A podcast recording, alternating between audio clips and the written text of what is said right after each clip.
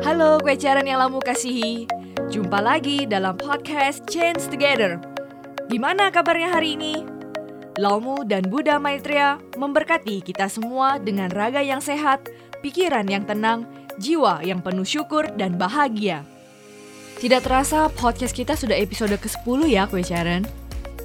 Di akhir setiap episode podcast kita, selalu mengajak kue Kwecaran bergerak dan beraksi untuk perubahan diri yang lebih baik demi dunia yang penuh harapan. Tapi kalau dipikir-pikir, apa gunanya ya kalau berubah seorang diri saja? Apalah arti diri ini yang bagaikan sebutir debu di gurun Sahara? Nama podcast ini kan juga change together, berubah bersama. Kalau cuma saya yang berubah, buat apa? Hanya satu orang di tengah 7 miliar lebih manusia di mana efek dan kekuatan perubahannya? Kue Caran, yuk kita dengarkan cerita berikut ini.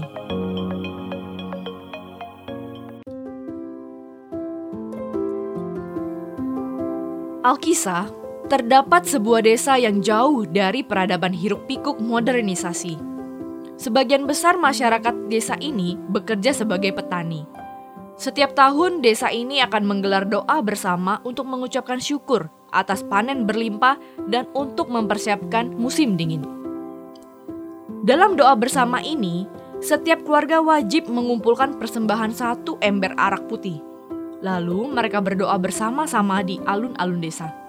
Mendengarkan sambutan kepala desa, kemudian meminum arak putih dan makan malam sambil bernyanyi lagu khas desa mereka. Ritual doa bersama ini telah berlangsung sejak desa ini terbentuk meski ada beberapa perubahan menyesuaikan zaman. Seperti salah satunya adalah perubahan persembahan dalam doa bersama. Awalnya masyarakat desa mempersembahkan air terbening dan terbersih yang mereka punya untuk kemudian dikumpulkan dan dinikmati bersama. Mereka percaya bahwa air putih adalah sumber kehidupan di alam semesta. Karena itu air adalah material terbaik yang sepatutnya dipersembahkan. Namun karena semakin sulit mendapat air bersih, Persembahan tadi akhirnya diganti dengan arak putih hasil fermentasi. Akhirnya tiba juga hari di mana desa tersebut akan menggelar ritual doa tahunan mereka. Dari siang sudah terlihat warga desa berbondong-bondong membawa ember berisi arak putih ke alun-alun desa. Mereka membawa ember mereka masing-masing untuk dikumpulkan di dalam drum-drum besar. Semua bersuka cita dan antusias menyambut datangnya malam hari.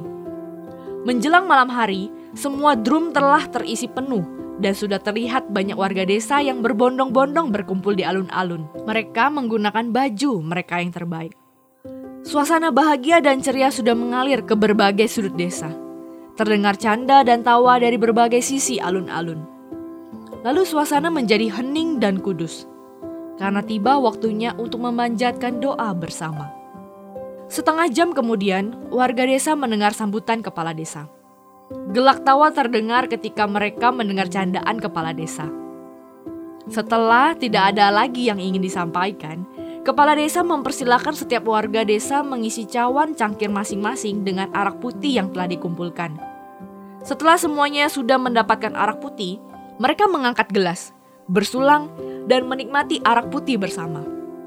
Tiba-tiba, mereka terkejut dan mereka saling bertatap.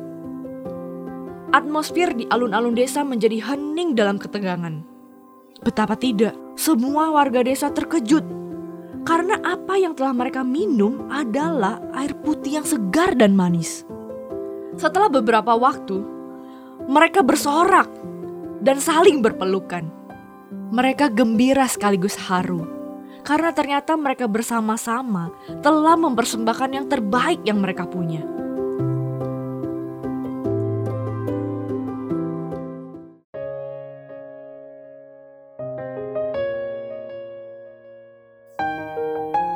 Pagi hari sebelumnya, di salah satu rumah, terjadilah percakapan suami istri yang sudah tua. Mereka terlibat percakapan yang serius.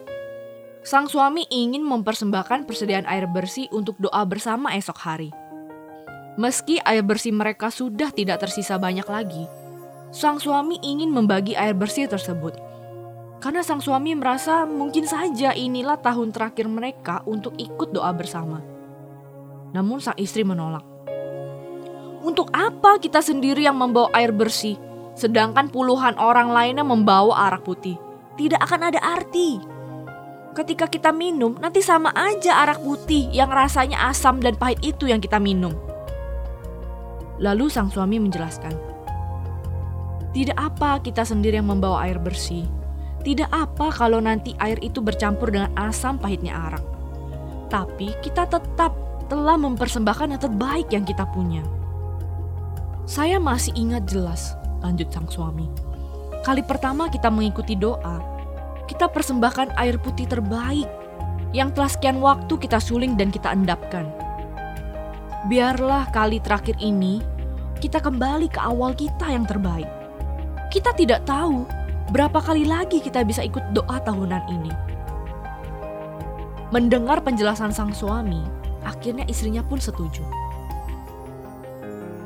Percakapan suami istri tersebut ternyata didengar oleh seorang anak yang sedang bermain di dekat rumah mereka. Lalu si anak pulang ke rumah, bercerita kepada orang tuanya. Setelah mendengar cerita sang anak, ayah ibu anak tersebut tertegun dan berpikir, "Iya ya, saya juga tidak tahu pasti. Apakah tahun depan saya masih ada kesempatan lagi ya?" Lalu mereka berdua akhirnya memutuskan untuk membagi persediaan air bersih mereka sang anak kembali melanjutkan main dengan teman-temannya. Sambil bermain, sang anak dengan bangga bercerita bahwa ayah ibunya akan mempersembahkan air terbersih dan termanis yang mereka punya. Kemudian anak-anak lain ketika pulang ke rumah bercerita dan mengajak orang tua mereka masing-masing untuk berbuat hal yang sama. Itulah yang menyebabkan di malam doa tahunan mereka, mereka semua bisa menikmati air murni yang segar dan manis itu. Coba, kalaulah tidak dimulai dari satu niat kakek tadi, tidak dimulai dari satu keluarga tadi, tidak akan ada perubahan yang terjadi.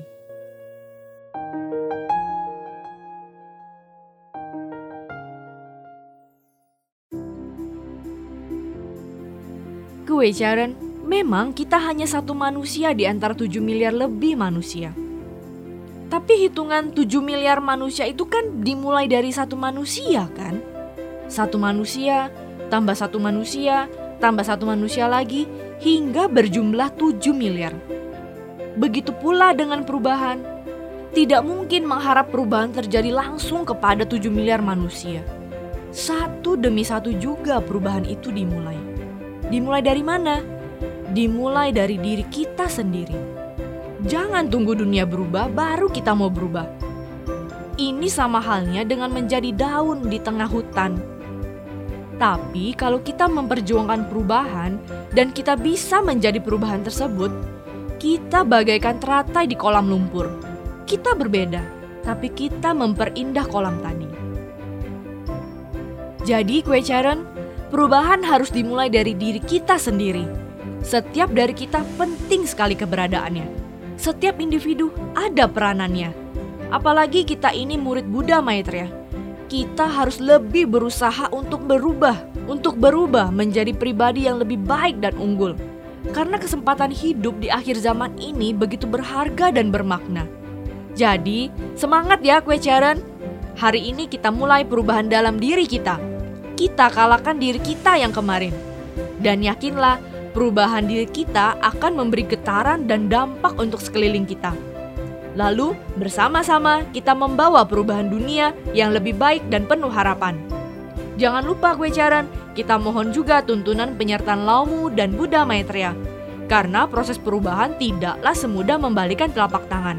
Kita butuh backingan kue caran, yaitu dari Laumu dan Buddha Maitreya.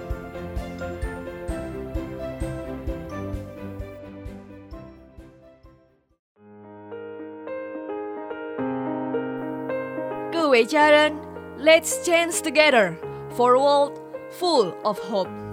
Lamu Tsebe, Milavo Tsebe, Kewajaran dan keluarga dapat bersatu hati, berteguh iman, berjiwa kasih, saling mendukung dan sukses bersama melewati segala ujian dan bencana.